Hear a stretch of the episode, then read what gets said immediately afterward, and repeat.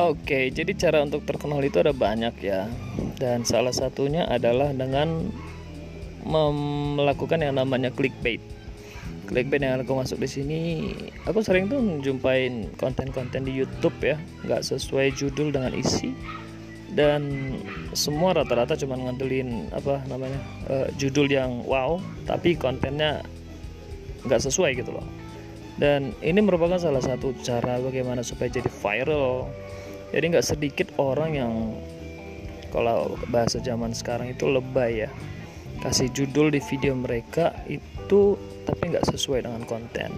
Mungkin sesuai tapi terlalu dilebih-lebihkan. Ya targetnya jelas untuk bikin orang penasaran dan pengen tahu.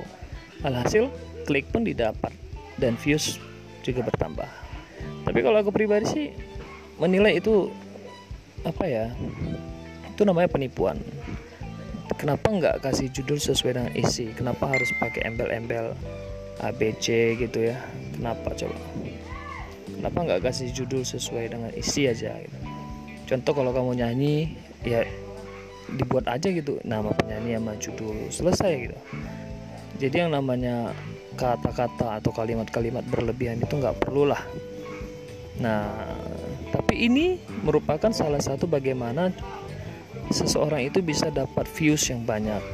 Makanya banyak orang yang menggunakan cara ini. Tapi aku sih jarang ya. Pernah pengen coba cuman setelah pikir-pikir nggak usah deh. Tapi pernah kepikiran untuk begitu. Kasih judul yang wow gitu ya. Ternyata kontennya biasa aja.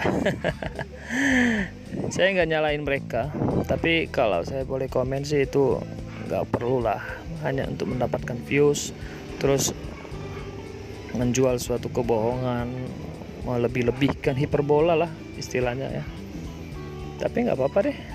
Kalau memang udah cara kamu untuk terkenal seperti itu aku bisa bilang apa?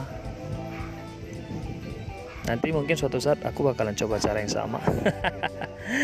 Ya udah ya udah ya udah kalau gitu. Ini cuman opini aja sih. Terima kasih sudah menonton podcast ini dan selamat sore